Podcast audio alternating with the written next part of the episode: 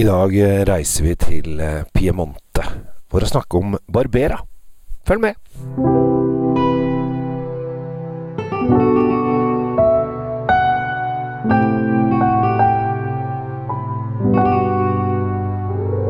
Hei og hjertelig velkommen til eh, en eh, ny episode av Kjells Kjell Svinkjeller. Akkurat nå så sitter jeg faktisk utendørs på fjellet på Geilo, så hvis dere hører at det blåser litt i mikrofonen og litt hushjørnet her, så er det fordi at eh, det rett og slett blåser litt, for jeg er på fjellet. Eh, og jeg eh, fant ut at eh, fjellet er jo et fint sted å prøve viner som man ikke har prøvd på en stund. Og dermed måtte jeg da finne en eh, Barbera, fordi at vi hadde eh, litt eh, lasagne til middag. Eh, og da passer det godt med Barbera-vin.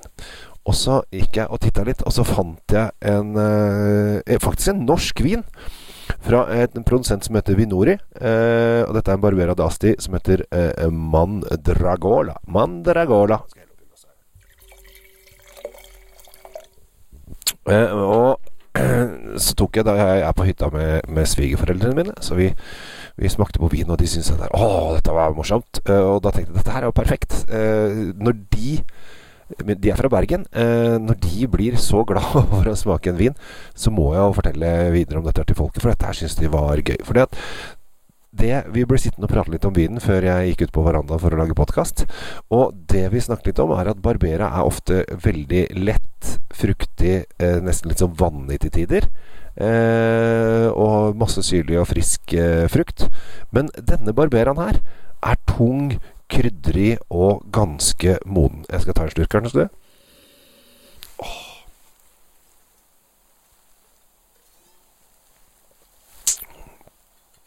Yes. Den har masse kryddertoner. Tung, mørk morell. Altså, hadde jeg fått denne blind, så hadde jeg Jeg tror ikke jeg hadde tippa på Barbera.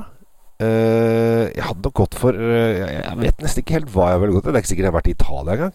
For den har en ganske moden, tung, kraftig frukt. Så hvis du er av den som liker det litt sånn tyngre, godt modne vinene, men samtidig så er den ganske fresh.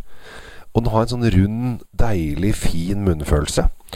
Så er eh, denne Barbera d'Astin eh, noe for deg. Og vi er jo da i Asti, i Piemonte. Eh, og hvis du lurer på hva Mandragola er, så er det en eh, lite, hus. Jeg har faktisk vært der. Eh, som det er et utleiehus med Jeg tror det er plass til kanskje 20 personer. Og så har de svømmebasseng, og så har de utsikt over alle eh, dalene bortover i eh, Piemonte.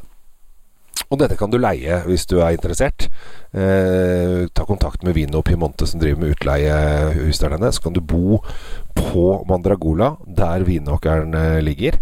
Og så kan du drikke vinen Kanskje der nede så er det jo såpass varmt at uh, litt sånn barbecue og grillmat hadde funka fint. Akkurat nå her er det påske på Geilo, så kan det hende at denne episoden kommer litt etter påske. Men det er i hvert fall påske på Geilo, og da er det snø her. Så det er ikke den Du er ikke så, er så gira på grillmat, for å si det sånn. Men det har en fin, deilig tyngde.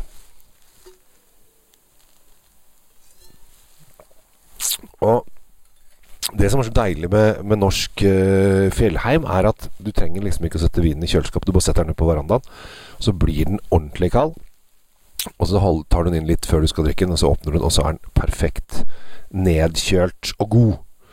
Så uh, jeg slår et lite slag for uh, Vinori, Barbera d'Asti, Mandragola. Hvis du har lyst til å være med på ned dit sammen med meg, så er det bare å melde seg på tur. Vi skal ned nå i i mai, fra 20. til 24. mai, så drar vi til, eh, til Piemonte. Da skal vi egentlig drikke mest Baroloer. Men jeg tror vi kanskje stikker en tur innom uh, vinprodusenten som lager denne vinen. For dette er jo da det, Dette her er norskeid vin, uh, rett og slett. Men uh, de har jo da en vinprodusent som lager vinene for seg. og han heter Olivier. og han skal vi stikke innom. og så skal vi spise lunsj med han på en veldig kul eh, lokal restaurant. Eh, jeg opplevde det én gang, og det var en veldig veldig flott opplevelse. Så jeg håper jo å få med meg folk på tur eh, ned. Vi er, eh, tror vi er eh, Jeg tror det er fem eller seks plasser igjen nå. Jeg skal til og med ha med min far og min bror. Så det blir ikke bare jeg som skal gå rundt og prate. Det blir jo folk som chatter rundt overalt. Og jeg er helt sikker på, kjenner jeg min far rett, for dere som har opplevd han f.eks. på livesendingene mine på Facebook-gruppa med Wien, når jeg har hatt eh, litt livesendinger og tatt med fattern, eh, så blir det historiefortelling og eh, årstall og mye moro. Så det er bare å glede seg. Men nok om uh, tur. Den uh, er det bare å ta kontakt med på kjell.kjellsvinkjeller.no hvis du vil ha informasjon om det. Men jeg må nok en gang slå et slag for Vinori og Arbera Dasti. Dette her var Altså, det er så gøy! Det er så gøy når uh, svigers blir litt sånn åh, dette var bra! og det er jo Altså, det, det settes litt krav, da. når jeg kommer på besøk. For da vet jeg at jeg har med vin, og de vet De sitter liksom og Ja ja, hva har han med denne gangen? Greier han å overraske oss? Så jeg føler at jeg liksom må levere hver gang. Og til lasagnen så var denne helt eh, ypperlig. Og jeg tror også, i og med at den har disse tryng, try, uh, tunge kryddertonene, at den passer til litt tyngre mat også. Men det får jeg ikke vite denne gangen. Uansett, jeg ønsker deg en fantastisk fin vår, for nå kommer våren. Eh, og så håper jeg at eh, kanskje vi møtes på Hei, eh, og vi kan snakke vin. Kanskje vi kan drikke litt vin sammen også. Og ha glede rundt dette fantastiske gledesproduktet vin, som jeg blir bare mer og mer opptatt av. Og mer og mer nerdete. Men jeg håper at jeg sprer vinglede. Det er derfor jeg holder på med dette her. Jeg vil spre vinglede. Og du skal få lov å like akkurat hvilken vin du vil. Men prøv noe nytt. Utforsk. Prøv å utfordre deg selv. Og så kanskje du opplever de store øyeblikkene som jeg har opplevd gang på gang på gang med nye viner. Nesten hele tida. Det var en fin avslutning.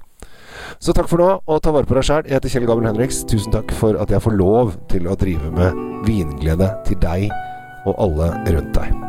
Ha det bra, så ses vi snart. Hei, hei.